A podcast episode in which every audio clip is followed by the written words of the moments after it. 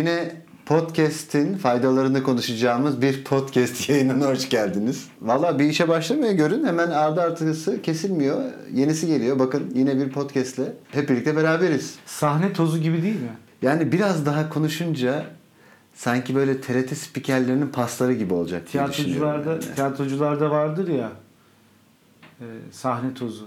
Hani bir kere yuttun mu? Podcast Ha sen onu söylüyorsun. Evet. Ben şey gibi TRT spikeri gibi pas atacakmışım gibi hissettim kendimi Yok yok. de. Sahne tozu ya. Ha sen direkt sahne tozundan bak. Bildiğimiz anlamda. Mikrofonun diğer ucunda yine her zaman olduğu gibi Emrah var. Ee, az önce kendisi bir zaten kısa bir merhaba demiş oldu. Merhaba genel olarak kısa zaten Göksel.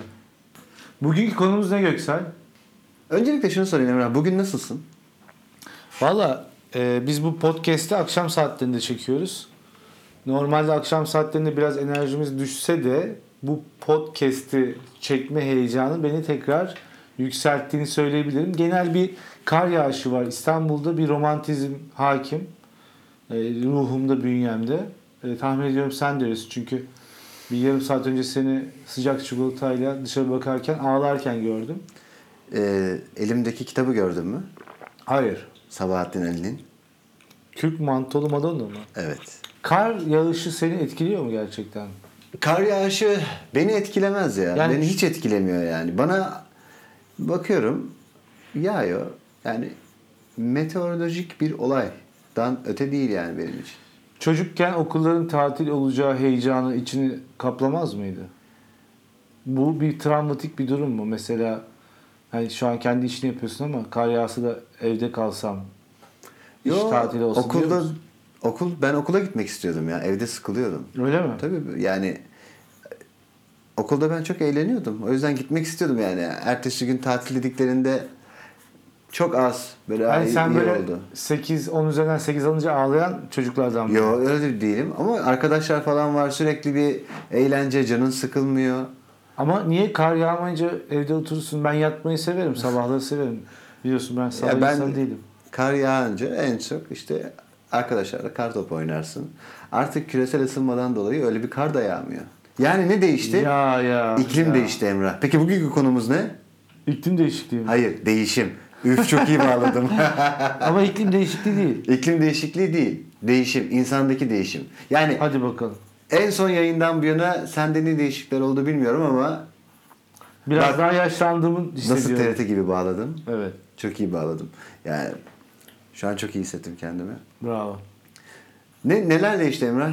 En son. E, biraz daha yaşlandığımı hissediyorum. Bunun işte Bir bir, şey kadar değişmedi. da. İşte kar yağdı. Kar yağışının getirdiği bir romantizm hakim. Yani bana da sirayet etmedi desem yalan olur. Değişime inanır mısın? Değişime inanırım ama yani değişime inanıyorum diye yani bu şey gibi hani o iklim değişikliğine inanıyorum diye iklim değişikliğiyle ilgili bir aksiyon aldım mı veya bir aksiyon alınıyor mu? Aynı şey değil galiba. Yani değişime inanırım ama insan değişir mi? Başka bir şey bence. Değişime inanıyorum tabii. İnsan değişse iyi olur diyebilirim. Yani kişi kendinde böyle bir iki ufak update yapsa da ya temelde sabit midir? Maalesef öyle. Yani sen şöyle diyebilir misin mesela? Bir iki ufak değişiklik veya büyük değişiklik yaptım ama temelde ben aynıyım. Yani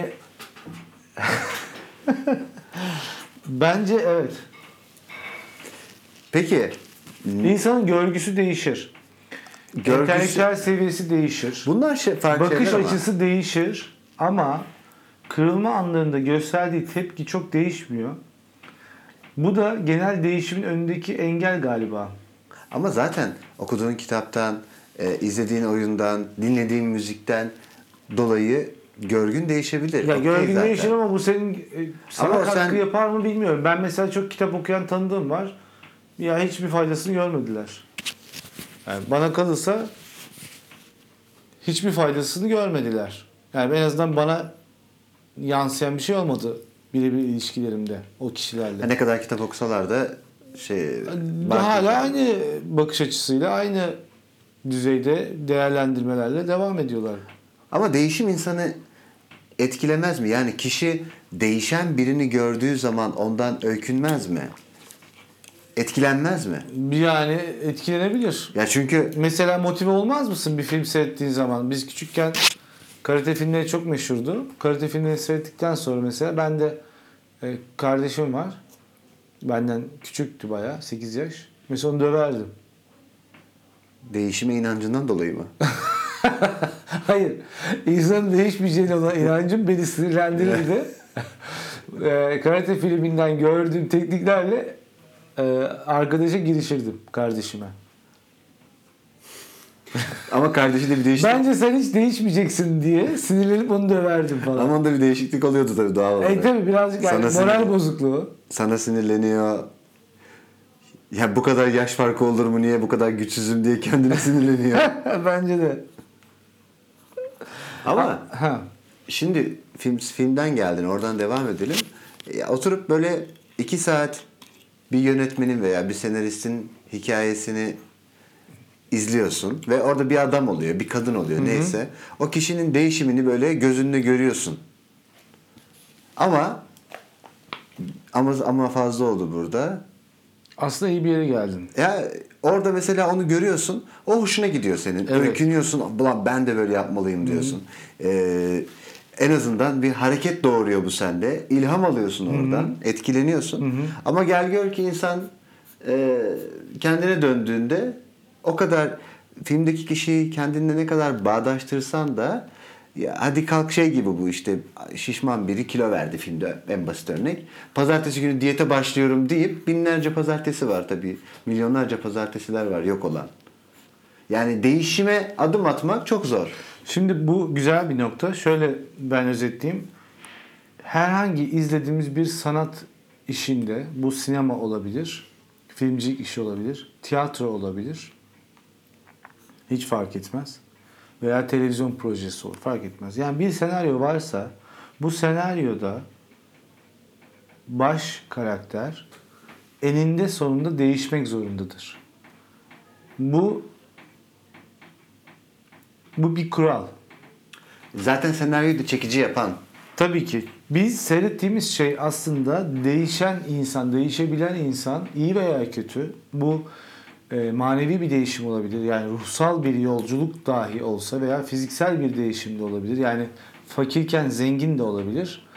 Veyahut çok depresif bir ruh halinden daha mutlu bir insana da evrilebilir. Fark etmez. zengin adamın fakir olmasından da hoşlanırız bu arada. Bu da olur. Bu da olur. Fark etmez. Yani bir değişim.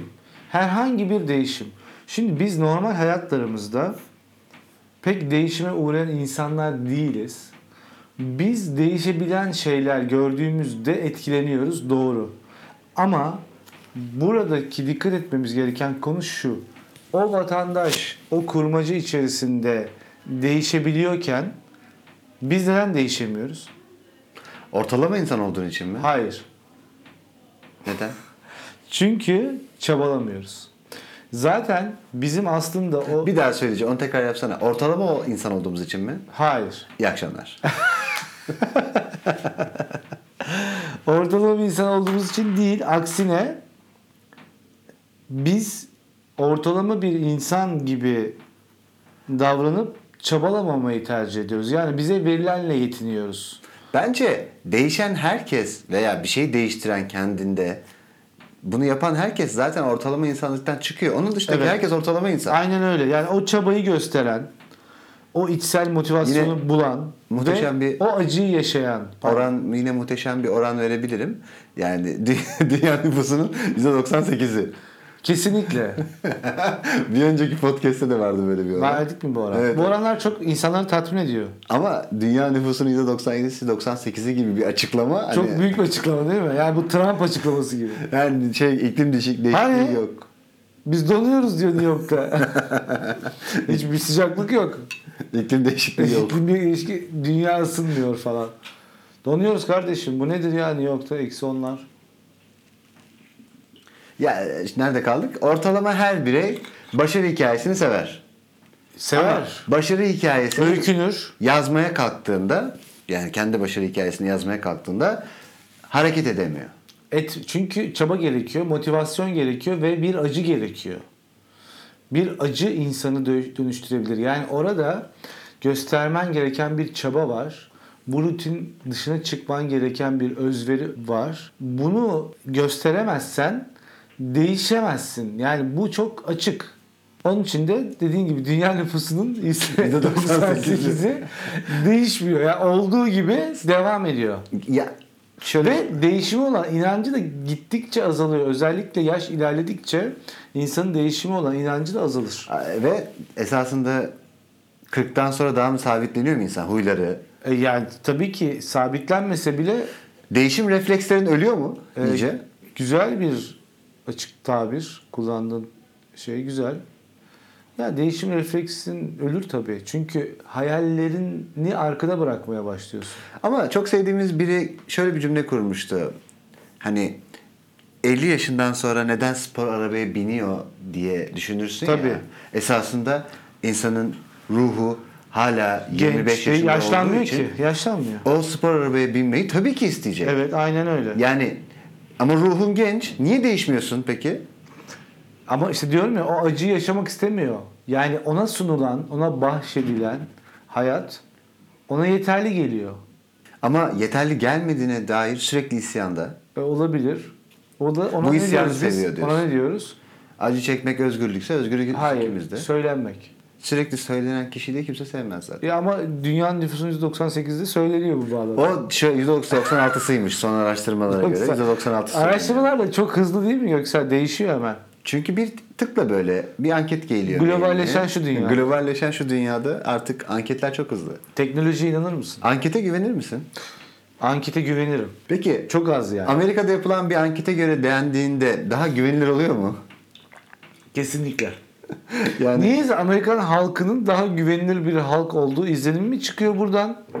Güvenilir değil. Yoksa Sanki şirketler mi güvenilir? Bence Japonya'da yapılan bir ankete göre desen ben daha çok inanırım. değil mi? Yani kesin daha çok inanırım. Bundan sonra o zaman öyle kullan. Japonya'da yapılan Zaten bir daha ankete kalabalık. göre Daha kalabalık zaten. %98'i değişime inanıyor ama değişmek istemiyor. 1 milyar Bak bu nasıl? Yok mu? Değişime inanıp değişmek istememek. İşte bu sana ne dedim ben? İklim evet dünya iklim değişikliğine inanıyorum ama hala yüzümü yıkarken 800 metreküp su tüketiyorum Dişimi fırçalarken, mesela. tıraş olurken. Aynen. İklim değişine, değişikliğine dikkat çektiğimiz şu dakikalarda e, lütfen tıraş olurken, dişinizi fırçalarken, yüzünüzü Ya birazcık biz sürekli bireysel olarak kendi alanımızda bunu yapmamız lazım. iklim değişikliğine dikkat çektiğimiz şu dakikalarda lütfen elinizi yıkarken, yüzünüzü yıkarken, dişinizi fırçalarken çeşmeden akan suya dikkat ediniz. Bir kamu spotuydu bu galiba. Olması gereken bir kamu spotu. Yani biraz bireysel olarak bizim evde e, kendi çapımızda tüketimimize çok dikkat etmemiz gerekiyor. Yani bu bir de şöyle gözden uzak ırak bir konu ya iklim değişikliği. Yani buzullarda işte kar, işte buz kütlesi 8 metreden 3 metre indi falan ama ben görmüyorum ya diyorlar ki işte televizyonda görüyorum. Gö- e, Güney Kutbu ve işte Kuzey Kutbu'nda falanca buz çatladı. Tam o sırada ben mesela kuru fasulyemi yudumluyorum. Yiyorum. yani olaya Zeki- o kadar uzağım ki. Zeki Veya işte Galatasaray'ın maçı var falan ona hazırlan. Çünkü senin rahatını bozmadı o sırada. Tabii hiçbir şeyde etkilemedi. Elektrik aynı seviyede. Yani. Dijitürk aynı seviyede çekiyor. Ee, Zeki Müren'in şarkılarda söylediği gibi kutupta yaz özlenmiyor esasında. özlenmiyor. Tabii kutupta yaz gibi özledim seni diyor ya. Evet. Esasında özlenen bir şey değil. Ki Miami Belediye Başkanı'nın açıklamasını da hep birlikte geçen gün okuduk. Ne yaptırmış? Pompa yaptırmış Pompa yaptırmış. sahillere. Çünkü su sürekli yükseliyor. Su seviyesi yükseliyor evet. Allah'tan Miami'de değiliz. Miami'de evi olan 3 kişi var Türkiye'de biliyorsun. Sibel Can, Tarkan, bir de biri daha var. Öyle mi? Miami'de evi olan Türkler diye magazin ha- haber yapılıyordu ya sürekli. Velhasıl değişime olan inancımıza gelirsek seni e, böyle filmde değişen karakter dediğinde en etkili film sence hangisi? En sevdiğin film böyle Rocky'dir. bir mi? Ee, Rocky bir serüven aslında bitmeyen endless adam bir senaryo yazmış. Rocky sürekli dönüşüyor. Rocky'nin ilki 1972 olması lazım yanlış hatırlamıyorsam. Rocky 1 e, bu değişimin en yani değişimin başlangıcı diyebiliriz. E, muazzam bir senaryo tabii. Hiçlikten gelen bir adam. Kendi yazdığı senaryo. Sylvester Kendi, abinin. kendi yazdı senaryo. En iyi senaryo Oscar'ı aldı. Ve 1 milyon dolara mı çekiyor? O vakit. Yok ya. Kaç para çekiyor? Çok, Çok, düşük az bir, bir para ya. bütçe Yani çekiyor. 150 bin dolar mı? 200, 200 bin dolar Ha, mı? bir yok çünkü e, yani genelde filmler orada 170-80 Hayır, hayır, hayır, milyon dolara hayır. çekiliyor. Çok çok çok düşük bir bütçe. Çok düşük. Orada Rocky'nin değişimine e, böyle gerçek bir orta- ortaklık yapan, destek veren en önemli karakter karısı zaten. Yani o zaman tabii Duruşuyla. Evet. Karısı. Ya burada şu önemli bence. Ee, yani Rocky niye çok önemli bir film? Şundan dolayı. Şimdi ben, ben hep onu söylüyorum. Bu orta direk dediğimiz adeta iki ucun dengeleyen ve oldukça da bir hayli fazla bir hacme sahip olan hacimli orta direk bir üst sınıfa da dahil değil, bir alt sınıfa da dahil değil ya. Burada bir konfor alanı var Göksel. Yani bu orta direğin bir konfor alanı var. Bu konfor alanı yüzünden değişime olan direnci çok yüksek o bölgenin. Çünkü ona verilenler, vaat edilenler ve verilenler 3 aşağı 5 yukarı istediği şeyleri yapmaya elverişli. Ama Rocky gibi bir hiç, hiçlikten gelen yani neredeyse e, yaşamasının bile çok bir anlamı olmayan metropolde kaybolmuş kenar mahallede o banliyöde yaşayan o insanların her gün yeni bir iş bulma 3 sente 5 sente günde gün, günlüğü 3 sente 5 sente geçirme bir sonraki günü ne olacağını bilmeyen bu insanların acısı ve değişime olan inancı çok yüksek. Değişime olan İhtiyacı inancı- da çok ihtiyacı da çok yüksek. Dolayısıyla bu acı da bu değişimi besliyor. Ben sana bir e, podcast'in başında söylemiştim ya acı yoksa o değişim olmaz. Bu adam değişmek zorunda. Bir şekilde oradan çıkması gerek. Bir şekilde oradan çıkması gerekiyor. Dolayısıyla Rocky hatta boks yani e, dövüşmesiyle ilgili de filmde şöyle bir şey var. E, yapacak başka bir şey olmadığı için dövüşüyor. En iyi şansı. E yani e, evet. En, elindeki en iyi şey. Elindeki tek şey Tek şey hatta. dövüşüyor. Adam bunu bir spor olsun diye yapmıyor. Yani bu çok önemli bir şey. Adam ayakta kalmaya, hayatta kalmaya çalışıyor. Yani Ve çare, gündelik işlerde, sözünü unutma, gündelik işlerde e, çalışıyor. Hatta bitirim işler yapıyor. O mahalle hamallık mafyasının. falan mı yapıyordu? Doğru Hamallık yapıyor. Mahalle mafyasının para getir, para götürücülüğünü yapıyor. Maç olduğu zaman, boks maçı olduğu zaman ona gidiyor, dayak yiyor veya dayak atıyor falan. Bir yeteneği yok mu? Var. Fakat hayat koşulları onu bütün bunları e, para kazanma enstrümanı olarak kullanıyor. Falan böyle başlayan bir hikaye. Tabii ki e, muazzam bir hayat yolculuğuna doğru evriliyor. Filmin bütün serileri çok iyi. Rocky 4'te parasız kalıyor tekrar. Tekrar bir hayat mücadelesi. Yani şöyle Orada bir şey işte var. Ivan Dragon karşısına Ivan çıkıyor. Dragon var. Ivan Dragon'dan sonra parasız kalıyor. İşte beyninde hasara uğradığı için falan. Bence yani herkesin setmesi gereken Bir de dünyanın en iyi e, filmlerinden, film serilerinden biri olduğunu düşünüyorum. Sylvester Stallone'nin de esasında e, değişim, yükseliş filmi. E, E tabi işte aslında şey köpeği var. Köpeğini satıyor adam. o da. Tabii. Değil mi? Doğru hatırlıyorum. Doğru. Köpeğini satıp para buluyor. Çok çok parasız. Çok parasız. Hiçlikten Sonra geliyor. sonra gidip parayı bulunca tekrar köpeğini satın alıyor diye biliyorum. Ve Doğru mu? e, ve do, yani oraya tam çok hakim değilim ama şunu söyleyebilirim. Bir köpeği var filmde ve o köpeği sürekli kullanıyor. Muhtemelen bu söylediğin e, durumdan da ötürüdür. Yani çok seviyor hayvanları da. E, değişime ihtiyacı olan bir insan biraz buna kafa yorduğu zaman biraz da şans da yani beklenmedik durumlar da seni bir yere taşıyor Göksel. Sadece istemek yetmiyor ama o enerji bence o beklenmedik durumları da yaratıyor. Filmde de o beklenmedik durum bir şov boks maçı yapmak isteyen Apollo Creed bir seçme yani kendi aralarında bir seçme yapıyorlar menajeriyle ve en loser'ı ama en, en aynı zamanda da entertainment açısından da evrilişi gördüğü Rocky Rocky'ye teklif götürüyor. Yani ve nasıl olsa yenecek onu falan diye ama Rocky bunu ciddiye alıyor. Hayatının şansı çünkü işte o beklenmedik durum da orada tezahür ediyor. Rocky mutsuz ama umutsuz diyemeyiz değil Hiçbir mi? zaman mutsuz değil. Hep umutlu ve mutlu. Esasında es, ilk baş- esasında mutsuz. Umutlu sadece. Çünkü ihtiyacı olan mutluluk değil ki umut. Ama e, öyle diyorsun da bak e, bence mutlu o adam. O hiçlikte, o parasızlıkta ve e, sana hiçbir hayatın sana hiçbir şans tanımadığı o döngüde o kızla karşı olan hissi onun içindeki mutluluğu da gösteriyor. O dükkana uğrayıp Adrian'ın dükkanına uğrayıp Adrian orada çalışıyor. Asosyal bir kız. Neredeyse kimseyle konuşmuyor, muhabbeti yok. Oradaki köpeklerle, oradaki hayvanlarla olan ilişkisi falan e, bence mutlu bir adam. Bence umutlu. Umutlu olması onu e, o e, ne derler zinde tutuyor.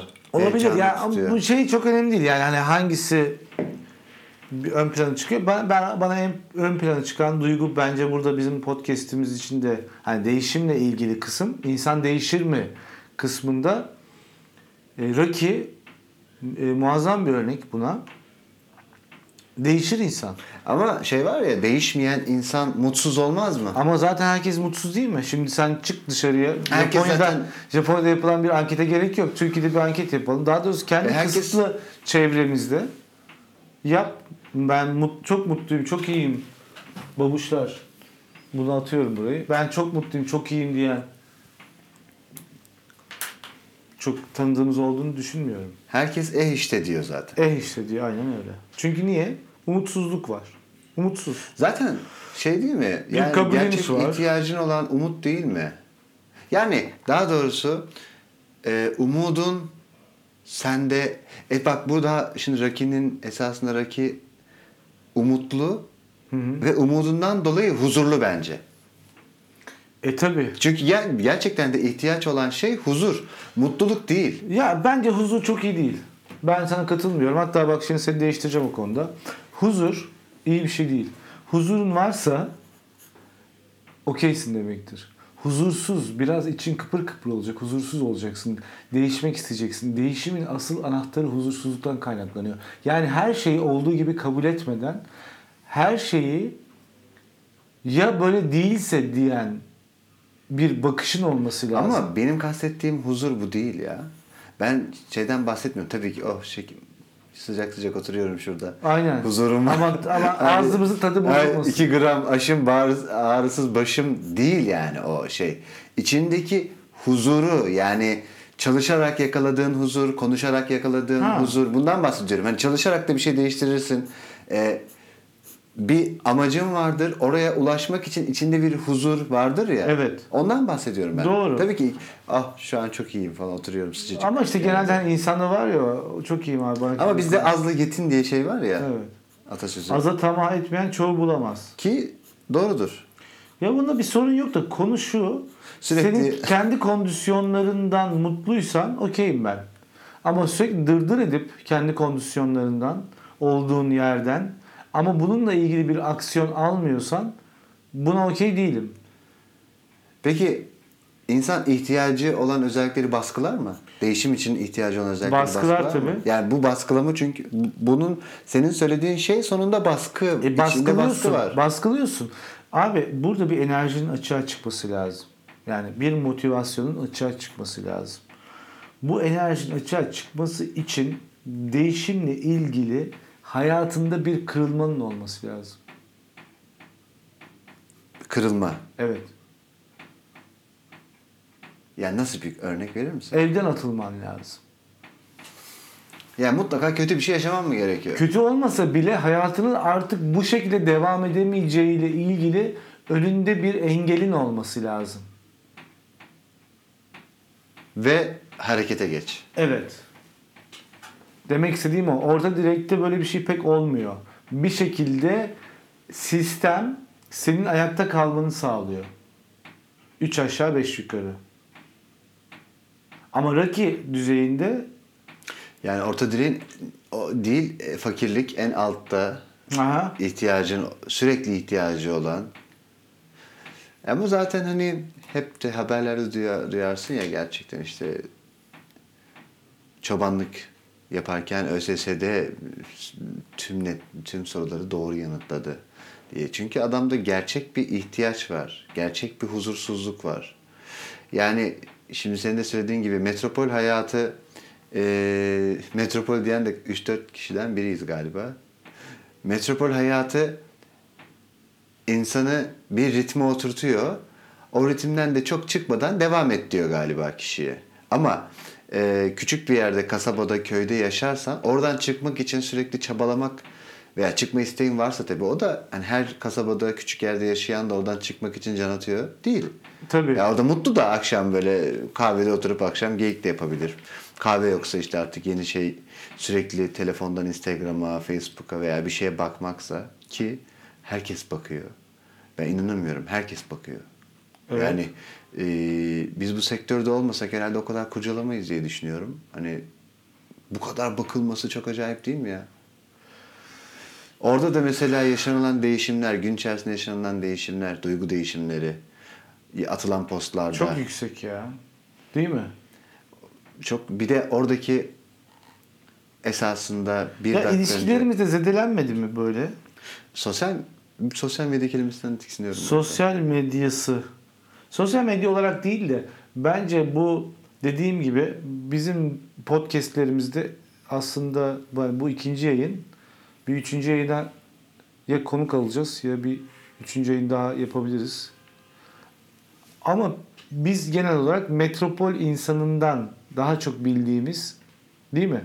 Pastoral insana giremiyoruz ama metro yani bizim gibi yaşayan insanların e, perspektifinden bakmaya çalışıyoruz. Buradaki konu e, dönüp dolaşıp hayat mücadelesinin belirli bir oranda sistem tarafından sana sağlanıyor olması ve bu sistemin seni bu şekilde baskılıyor da diyebilirsin ya da buna e, yani hayatını devam ettirebildiğin için değişimle ilgili bireysel değişimle ilgili çok da aksiyon almıyorsun.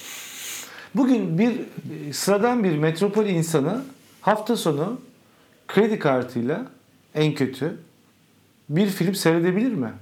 Seyredebilir. Tamam bence bu olay. Yani bunu becerebiliyorsa zaten belirli oranlarda erişimini sağladığı için bence okey. Peki yani metropol insanı derken yani Berlin'de yaşayan biriyle de aynı Evet. düşünceye sahipsin? Evet, Onun aynen. orta direği de bu durumda Aynen diyorsun. öyle. Ama hmm, daha çalışkan olabilirler mi? E, sistemden dolayı olabilir. Yani sistemsel çalışkanlık olabilir ama bak ben sana bir şey söyleyeyim Senin mi? peki değişime en yatkın gördüğün halk hangisi dünyada? Ee, benim değişime en ka- Baltık ülkeleri. Danimarka, Finlandiya, İsveç. Havasından dolayı mı? Yok, sisteminden, eğitim sisteminden dolayı. Ben onları daha elverişli, daha iyi görüyorum. En elverişsiz gördüğüm Amerikan halkı mesela. Çünkü tamamen dünyayı tüketmek üzerine. Aynen öyle. Galon galon Aynen benzinler, öyle. Yani- kocaman arabalar, Aynen kocaman öyle. evler. Evet. Leonardo DiCaprio'nun senin de izlediğin Aynen öyle. belgeselinde esasında dünyayı tüketenler biziz diye iki, iki yıl E dünyada tabii onlar tüketiyor. Onların ihtiyacını karşılamaya çalışıyor dünya. Benzin, e, Her petrol şey tabii elektrik, ki fosil atık, elektrik, su. Kocaman kocaman evleri var. Bizim öyle evlerimiz yok. O evi, elektriği, suyu, o arabanın 3000 motor, 5000 motor arabaları var. Bizim burada Avrupa'da, Avrupa insanı biz 1400 motor, 1100 motor, 1000 motor, elektrikli hatta. elektrikli hatta arabalar kullanıyoruz. Bütün dünya Bugün Danimarka %100 yenilenebilir enerji kullanıyor. %100. tamamı da her yerinde mi? Evet. %100. Bu ne demek? Ya rüzgar e, pervane neydi onlar? Rüzgar yoksa? panelleri. Rü- Rüzgar paneli ve güneş enerjisi var. Şey, Ama, e, e, neydi adı? Şu an Almanya'da Almanya yüzde otuz. Yüzde otuz yenilenebilir enerji. Sıfır maliyet. Kurmak Ve karbon, Kurarken- sıfır karbon salınımı. Kurarken çok büyük bir iyi masrafı var ama ondan sonra tabii Tabii ama onu da bir zahmet bir karşılasınlar ya. e, kur tabii. Kur yani. Kur. Çin biliyorsun e, İsveç 2000 e, kaç 2050 mi? Tamamen şeye geçiyor. 2030. Elektrikli arabaya geçiyor. Hiç üretmeyecek. Fosil atıkla giden araba üretmeyecek. Bu nerede oluyor bunlar? Bak dikkat edersen değişime kim ön ayak oluyor? Amerika değil. Yine kuzey ülkeleri. Ama bir Amerikalı Elon Musk da bir, bir şeyler yapmaya çalıştı. Ya. uğraşıyor tabii uğraşıyor. Çok çok çok büyük katkı yaptı. Tamam, tamamı da şey değil de Kesin çok büyük katkı yaptı. Ama bir kişi çıktı ama. E oradan yaptı da yani hani burada ülke diyoruz ya ülke. Evet. Adam Kaç milyon onlar? 250 milyon civarı mıydı? neresi? Amerika. Tabii 250-300 milyon. 250-300 milyon. Çok ciddi bir rakam Yüksel ya. İnsana arada- bak, insana bak. Evet. Bu kadar insanı dünya beslemeye çalışıyor Göksel. Yemek pal yağı var ya şu pal yağı. Dünyanın en iğrenç, en kötü yağı. O yağı Endonezya'daki ormanları yarısını yok ettiler. O yağı çıkaracağız diye. Bu şey gibi oldu. Şimdi bu değişim değişim bak çok güzel bir konu seçmişsin de hakikaten öyle. Ha, bu değişim çok kritik ya. Burada değiş değişimin olmasını beklediğin yer ülke en az değişen ülke. Nasıl olacak bu? Asıl oranın, oranın değişmesi lazım. Çünkü onun ihtiyacı karşılanıyor. İnsan aynı bence bu toplumsal olarak da bakılabilir, bireysel olarak da bakılabilir. Değişmek zorundayız. Yani bu dünyayı bu şekilde götüremeyiz. Bir. Bir iki, kendimizi bu şekilde götüremiyoruz. Ne yapıyoruz? Dediğin gibi hep Instagram'dayız. Hep bir postlar var. Birileri hep mutlu gözüküyor. Sen hep mutsuzsun. Onların postuna bakıp sen de onlar gibi dolaşıp mutlu olmayı arzu ediyorsun. Değişimin bu kısa vadede bu tip hareketlerle olabileceğini düşünüyorsun. En azından değişim arzun bir panzehiri gibi karşına çıkan postlar aslında seni daha da zehirliyor. Halbuki senin bireysel olarak bir üretime katılman gerekiyor. Bireysel olarak üretime katılıp değişmen gerekiyor. Değişim yani çalışmak bir ibadet gerçekten. Çalıştıkça aslında değişimin önündeki engeli, o tıkadığın engeli de açmaya başlıyorsun. Değişimin önündeki en büyük engel yine sen misin? Yüzde yüz. Bu Japonya'da bunun anketi yapılmadıysa bir an önce yapılsın. En güvendiğimiz Ee, ülke. 1 milyar Çinliye sormuşlar. %96'sı değişimin önündeki en büyük engel Yani insanın kendisi Bugün olduğunu en söylemiş. büyük iki ekonomi Amerika ve Çin. Dünyada en çok güneş enerjisi yatırımı yapan ülke Çin şu an galiba değil mi? Karbon salınımını bayağı Karbon düşürmeye çalışıyorlar, çalışıyorlar. 2030'a kadar. Çok ciddi Ve çalışıyorlar. Bayağı bir hedefi yakaladılar. Evet. Fabrikalarla ilgili özellikle fabrikalarının da e, ne derler? Sağlam yasaklar getirdiler. Sağlam e, çıkarttıkları gaz oranındaki değerleri iyi takip ediyorlar fabrikaların falan. Böyle. Var mı değişimle ilgili söylemek istediğin başka Ya benim şey? en son olarak söylemek istediğim şey e, hepimiz değişebiliriz. Değişime inancımız tam evet ama bununla ilgili ufak bir hareket yapmamız lazım. Her gün gittiğin yolu bile değiştirsen, bir gün o yoldan gitmesen dahi yine de insanın bütün algısı değişiyor. Bence kendi konfor alanımızdan, o konformist tavrımızdan çıkıp değişebiliriz. Bununla ilgili çok güzel kitaplar var, çok güzel filmler var. Rocky'yi kesinlikle tavsiye ediyoruz. Buradan seninle diye düşünüyorum. Adrian. Adrian. Ve benim söyleyeceğim bugünlük bu kadar. Değişimin sonuna geldik. Yayın bitti. Görüşmek üzere.